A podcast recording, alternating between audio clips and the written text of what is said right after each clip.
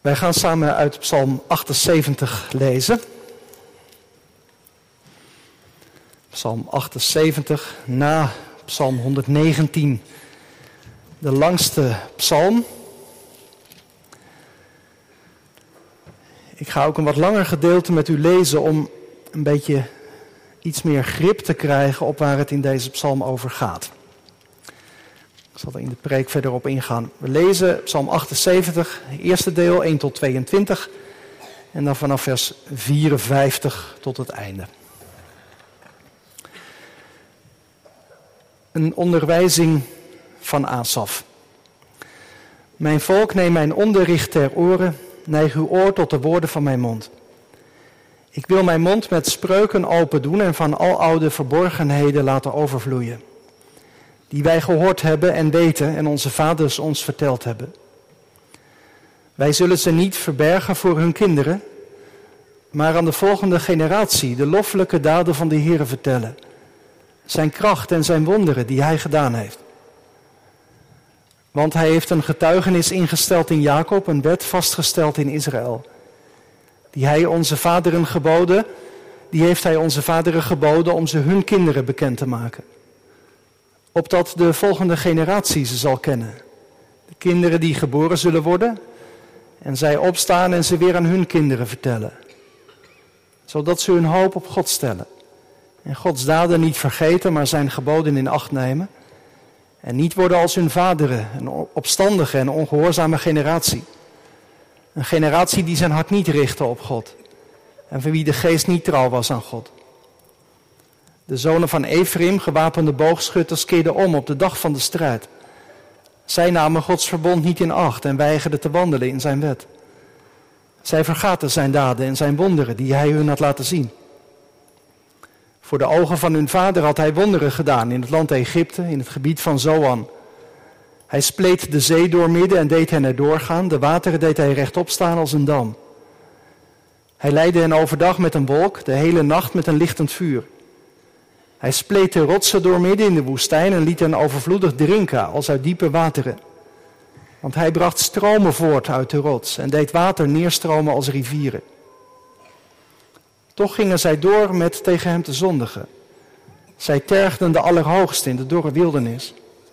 Ze stelden God in hun hart op de proef. Ze vroegen om voedsel, zoveel zij lusten. Ze spraken tegen God en zeiden: Zou God een tafel gereed kunnen maken in de woestijn? Hij heeft een rots geslagen, zodat er water uitvloeide en er beken overvloedig uitstroomde. Zou hij ook brood kunnen geven? Zou hij zijn volk van vlees kunnen voorzien? Daarom hoorde de Heer het en werd verbolgen. Een vuur ontstak tegen Jacob, ja, toren leidde op tegen Israël. Want zij geloofden niet in God en vertrouwden niet op zijn heil. Lezen wij verder in vers 54. Hij bracht hen naar zijn heilig grondgebied. Beloofde land gaat het dan om. Naar deze berg die zijn rechterhand verworven had.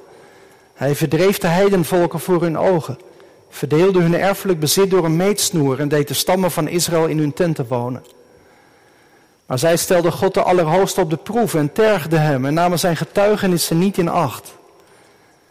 Ze werden afkerig en handelden trouweloos zoals hun vaders. Ze keerden zich om als een bedrieglijke boog. Ze verwekte hem tot toren door hun offerhoogte, verwekte hem tot naijver door hun afgodsbeelden. God hoorde het en werd verbolgen. Hij verachtte Israël zeer. Daarom verliet hij de tabernakel in Silo, de tent waarin hij woonde onder de mensen. Hij gaf zijn macht over in gevangenschap, zijn luister in de hand van de tegenstander. Hij leverde zijn volk over aan het zwaard en werd verbolgen op zijn eigendom. Het vuur verteerde hun jonge mannen. Hun jonge vrouwen werden niet geprezen. Hun priesters vielen door het zwaard. Hun weduwen weenden niet. Toen ontwaakte de Heer als iemand die slaapt, als een held die juicht van de wijn. Hij sloeg zijn tegenstanders van achter. Hij deed hen voor eeuwig smaad aan. Hij verwierp de tent van Jozef. De stam Ephraim verkoos hij niet, maar hij verkoos de stam Juda, de berg Sion die hij liefhad. Hij bouwde zijn heiligdom als hoogte en vast als de aarde die hij voor eeuwig grondvestte. Hij verkoos zijn dienaar David. en haalde hem bij de schaapskooien vandaan. Van achter de zogende schapen deed hij hem komen, om te wijden Jacob zijn volk en Israël zijn eigendom. Hij heeft hen gewijd met een oprecht hart en hen geleid met zeer bekwame hand.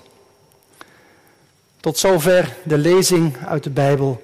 Dit zijn de woorden van God. Broeders en zusters thuis met ons verbonden, hier samen in de Sint-Jan gemeente van Christus. Hoe ga je om met de zwarte bladzijde van je geschiedenis? In de afgelopen jaren is daarover heel wat gediscussieerd in Nederland. Denk aan het slavernijverleden. Moeten sommige standbeelden van VOC-kopstukken misschien verwijderd worden? Zou het niet goed zijn om excuses te maken voor misstanden en uitbuiting die ooit plaatsvond door onze voorouders? Zoals dat bijvoorbeeld ook een aantal jaar geleden gebeurde door de koning tegenover Indonesië. Hoe ga je om met de zwarte bladzijde van je geschiedenis? Zulke gesprekken die kunnen heel hoog oplopen omdat mensen er diep emotioneel bij betrokken zijn. Dat bleek vorige week ook weer. Afgelopen donderdag zou, 70 jaar na de aankomst van de eerste Molukkers in Nederland, een herdenking plaatsvinden. Maar die herdenking ging uiteindelijk niet door omdat de Molukse gemeenschap er zelf te verdeeld over was. Je verleden echt eerlijk onder ogen zien en je daartoe verhouden is echt heel ingewikkeld. Ik moest daaraan denken omdat Psalm 78, die wij vanmorgen gelezen hebben, een van de zogenaamde geschiedenispsalmen is. Een lied waarin een deel van de geschiedenis van Israël voor het voetlicht wordt gehaald. Zoals dat bijvoorbeeld ook gebeurt in Psalm 105, waar we ook een paar coupletten uitzongen, Psalm 106. Een geschiedenisles, daar doet Psalm 78 nog het meest aan denken. Na Psalm 119, ik zei het al, de langste psalm, waarin een aantal kernmomenten uit de geschiedenis van God met Israël voor het voetlicht worden gebracht. Je moet maar even met me meekijken. Pak je Bijbel er even bij. Na de inleiding op de psalm, je zou kunnen zeggen dat zijn de versen 1 tot en met 8, komen een aantal sleutelpassages naar voren. Zo gaat het in deze psalm heel prominent over de uittocht uit Egypte. Je leest daarover in vers 12 en ook verderop vanaf vers 42 tot 52. De uittocht uit Egypte, dat verhaal dat de kinderen denk ik ook allemaal wel kennen. De gebeurtenis misschien wel uit de geschiedenis van Israël. Het volk werd verdrukt in Egypte. Hè? Ze moesten werken als slaven. Dienen onder de farao. Maar het volk was er door God uitgeleid. Na tien plagen onder de Egyptenaren mocht het volk vertrekken. Mozes voorop, de mensen achter hem aan. Of nog beter, God voorop, zegt deze psalm, want hij was het die zijn volk leidde. God ging voorop. Hij leidde hen door de Rode Zee heen. Dat is de tweede gebeurtenis die heel veel aandacht krijgt.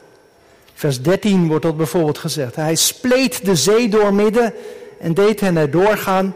De wateren liet hij rechtop staan als een dam. En verderop in vers 53 kom je dat nog een keer tegen. En dat was nog maar het begin. Want God leidde zijn volk vanaf dat moment ook. Door de woestijn heen. Dat krijgt ook heel veel aandacht. Hij wees de weg en was beschermend aanwezig bij zijn volk. Door s'nachts een vuurkolom te geven. Overdag voorop te gaan met een wolk. Vers 14 wordt dat gezegd. En dat was nog niet alles, want gedurende heel die woestijnreis zorgde God ook voor zijn volk. Hij gaf hen te drinken als ze dorst hadden, vers 16. Hij gaf hen te eten als ze honger hadden, vers 27 tot 29 staat dat. Brood en vlees in overvloed. Nou, het wordt eigenlijk heel mooi samengevat in vers 52. Hij liet zijn volk als schapen wegtrekken en leidde hen als een kudde door de woestijn. En vierde kernmoment dat de psalm wat naar voren haalt is dat God ervoor zorgt dat ze dan uiteindelijk ook in het beloofde land terechtkomen. Hij bracht hen naar zijn heilig grondgebied. Dat was het begin van de tweede lezing, vers 54. Uiteindelijk bereiken ze Canaan en nemen ze daar hun intrek. Nou, dat is een prachtig verhaal.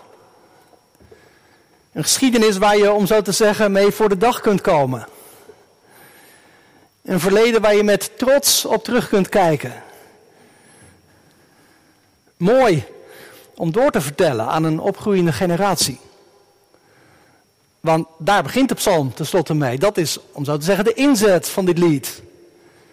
Vertel door wat er gebeurd is in de geschiedenis. Vertel het aan een nieuwe generatie. Zo zijn we terechtgekomen in dit land. God heeft ons geleid, Hij was er altijd bij. Hij heeft ons dit goede land gegeven. Geprezen zij zijn naam.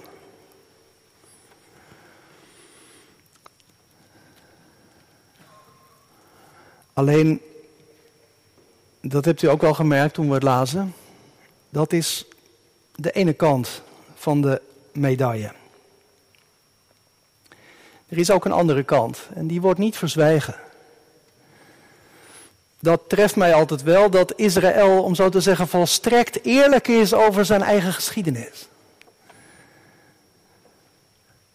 Het gaat in deze psalm, zou je kunnen zeggen, voortdurend heen en weer. Aan de ene kant lees je over de goede daden van God, over zijn zorg en zijn bescherming en zijn hulp en zijn leiding. Aan de andere kant wordt een heel donker beeld geschetst van het volk van God, van zijn mensen. Zij trekken keer op keer hun eigen plan. In vers 8 worden de vaderen al aangeduid als een opstandige en ongehoorzame generatie. Een generatie die zijn hart niet richtte op God en van wie de geest niet trouw was aan God. En het vervolg van de psalm gaat daar heel wat voorbeelden van geven. Ik loop het ook maar weer wat langs met u, kijk maar even mee. Vers 10. Ze namen Gods verbond niet in acht en weigerden te wandelen in zijn wet. Vers 11. Ze vergaten zijn daden en zijn wonderen die hij hun had laten zien. Vers 17. Ze gingen door met tegen hem te zondigen. Ze tergden de Allerhoogste in de wildernis. Vers 18, ze stelden God op de proef. Vers 19, ze spraken God tegen. 22, ze geloofden niet in God en vertrouwden niet op zijn heil. Vers 32, ze bleven zondigen en geloofden niet in Gods wonderen. Vers 36, ze vleiden hem met hun mond, maar logen tegen hem met hun tong. Vers 40, ze tergden hem in de woestijn bedroefde hem in de wildernis. Vers 41, ze stelden hem op de proef. Vers 42, ze dachten niet meer aan zijn machtige hand. Vers 58, ze verwekten hem tot toren door hun offerhoogte, tot naijver door hun afgodsbeelden. Ja, moet je je voorstellen hè, dat iemand van je eigen volk een lied maakt waarin zo open en eerlijk de zonden worden opengelegd van je voorouders. Het gaat maar door, dat is diep beschamend. En ja, dat is misschien nog niet eens het ergste van deze psalm, want dat is dat in dit lied ook duidelijk wordt gemaakt dat God er helemaal genoeg van heeft nu. De Heer werd verbolgen, staat er in vers 21. Vers 31, Gods toren leidde tegen hen op. Vers 59, hij verachtte Israël zeer. Dat is echt, vind ik, schokkend om te lezen. En ook niet iets om even snel aan voorbij te gaan. Het is kennelijk zo, gemeente, dat als je zoveel van God hebt ontvangen, als je, om zo te zeggen, zijn liefde hebt geproefd, als hij zich onmiskenbaar aan je bekend heeft gemaakt, en je keert je toch van hem af, je draait hem de rug toe, dat dat niet zonder gevolgen blijft. God wordt daar diep, diep door geraakt. Het roept een diepe emotie in hem wakker. God maakt duidelijk, zo wil ik het niet meer. Dat, dat is het spannende van dit lied. Dat hier eigenlijk de vraag onder zit, wil God nog wel verder? Wil God nog wel verder? Ziet God het nog zitten? Met mensen die zich steeds weer van hem afkeren. En het antwoord lijkt heel duidelijk. Hij verachtte. Hij verwierp zijn volk. Dat hele verhaal, dat ooit begon met de roeping van Abraham, met een volk dat God voor zichzelf had gekozen, dat hij had geroepen en naar een eigen land had gebracht, mislukt. Einde verhaal.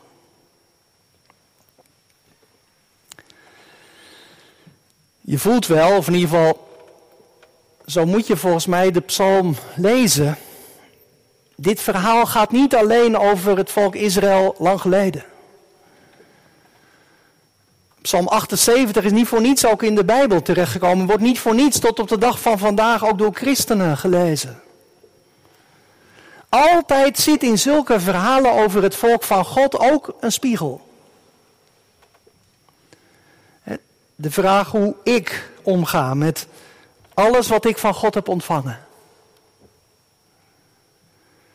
Nou, die vraag wil ik vanmorgen dan maar even heel nadrukkelijk ook in het midden leggen.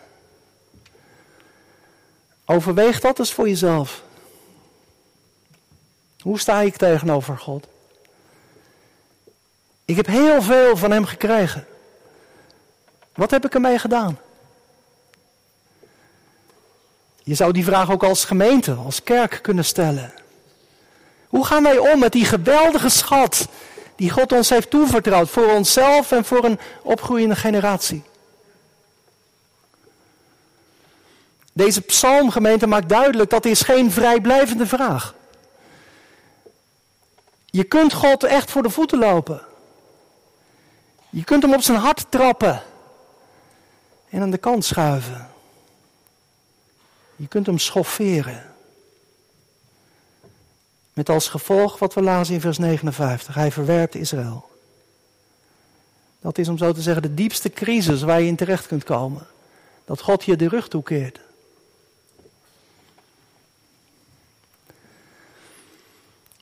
Maar God dank is dat niet waar de psalm mee eindigt. Moet je even meekijken naar vers 65. Daar staat een heel bijzonder beeld. Ik weet niet of je het kende.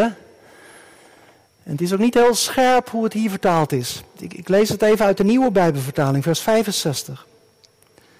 De Heer ontwaakte als uit een slaap, als een strijder uit de roes van de wijn. God ontwaakte als een dronken soldaat. Dat is ontzettend gewaagde taal om zo te spreken over God. En tegelijk wel heel duidelijk, toch?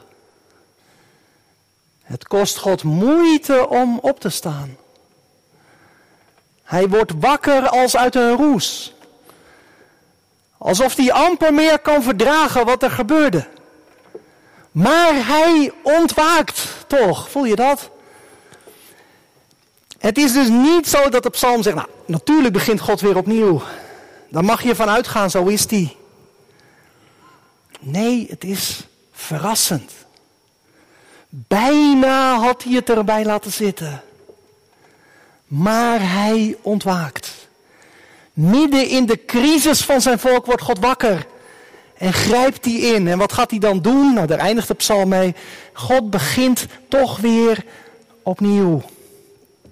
Kijk maar vanaf vers 70. Hè. Hij verkoos zijn dienaar David en haalde hem bij de schaapskooien vandaan. Van achter de zogende schapen deed hij hem komen om te wijden Jacob zijn volk en Israël zijn eigendom. Hij heeft hen gewijd met een oprecht hart en hen geleid met een zeer bekwame hand. David wordt geroepen, een koning naar het hart van God. Geroepen om Israël te leiden en te wijden. God laat het werk van zijn handen niet los. Het verbond waarmee die was begonnen, hij houdt het zelf in stand. Hij gaat toch door. Nou zou je denken, nou dan, dan is het nu wel goed. Na David zal het niet meer ontsporen. Nu zullen de mensen zich wel met nieuwe toewijding overgeven aan God. Nou ja, zo eenvoudig is het ook niet, want als je nou de volgende psalm kijkt, psalm 79, dan gaat het over Jeruzalem en over de tempel die in puin ligt. Dat is om zo te zeggen de volgende stap. Psalm 78 die zou in diezelfde cadans nog veel verder kunnen worden uitgebreid. De geschiedenis die blijft zich herhalen. Het volk keert zich af van God. Mensen gaan hun eigen weg. Wij zijn in zonde ontvangen en geboren, horen wij zo meteen. Er zit ook heel sterk die repeterende breuk in. Het wordt met ons mensen de eeuwen door niet zoveel beter. Onze geschiedenis is nog steeds geen verheffende geschiedenis. En toch, toch gaat God door. We zingen straks aan het slot van de dienst Psalm 89. Dat is ook een lied waarin David terugkomt. Want God belooft dat hij David en zijn nageslacht nooit in de steek zal laten. Zeker, dat gaat dwars door het oordeel heen en, en er komen momenten, dan lijkt het opnieuw. Of God er helemaal een streep doorzet. Maar het is anders. Hij ontwaakt. Vers 65. God ontwaakte. Dat doet hij telkens weer in de geschiedenis. En als dat ergens is gebleken, dan is dat in dat moment dat dat er een engel naar een jong meisje toe komt. En dat die engel tegen haar zegt, jij zult zwanger worden en een zoon baren. En God de Heere zal hem de troon van zijn vader David geven. Er komt een nieuwe koning in de lijn van David. God ontwaakte en hij zond Jezus Christus. En wat God in Jezus gedaan heeft, gemeente, dat kan nooit meer worden uitgewist. Daar komt hij nooit meer op terug. Want in Jezus is God zelf ondergegaan. In de afwijzing van mensen. Aan het kruis heeft hij al het ongeloof, alle afkeer, alle onverschilligheid, alle zonde en schuld gedragen. Maar hij ontwaakte op de derde dag. Hij stond op als een held. En dat verhaal, dat verhaal moet worden doorverteld. Dat is de inzet van deze psalm. De dichter hij doet zijn mond open om les te geven over de geschiedenis van God met Israël. Een geschiedenis die totaal leek vast te lopen met allerlei inktzwarte pagina's. Maar God, maar Jezus Christus. Zijn trouw is tot in eeuwigheid en zijn liefde heeft geen einde. Tijdens het doopgesprek dat we vorige week hadden, zei iemand: Psalm 78 is eigenlijk niet alleen een psalm over het verleden, maar ook over de toekomst. En zo is het. Want het doel van dit lied is dat een nieuwe generatie God zal leren kennen. Vers 7, dat zij hun hoop op God stellen. God vertrouwen. En Gods daden niet vergeten. Maar zijn geboden in acht nemen. Of met de woorden van de berijming, laat ons wat onze vaderen vertelden doorgeven. En aan onze kinderen melden. Ik weet dat jullie als ouders daarnaar verlangen. Dat je kinderen dit ook zullen leren. En ik zou zeggen, vertel hen daar maar heel vaak over. En zeg het tegen hen. Omdat God ontwaakt, omdat Hij opstaat. Daarom is er hoop. Hoop voor ons mensen die het ondanks alle goede voornemens vaak laten afwijten. Omdat God opstaat, gemeente, daarom is er hoop voor een opgroeiende generatie. Voor de kinderen die we vandaag dopen. Voor jongeren die nog helemaal zoeken naar de betekenis van het geloof voor hen. Voor ouderen die het soms allemaal ook niet meer zo zeker weten. Omdat God opstaat, is er hoop. Hoop voor de kerk, voor de gemeente. Dat is wat wij mogen doorgeven. Zonder God zijn we verloren. Maar met Hem is er altijd nieuwe hoop. Niet omdat wij trouw zijn, maar omdat Hij trouw is. Hij laat het werk van zijn handen niet los. Want Hij is opgestaan. Hij leeft. Amen.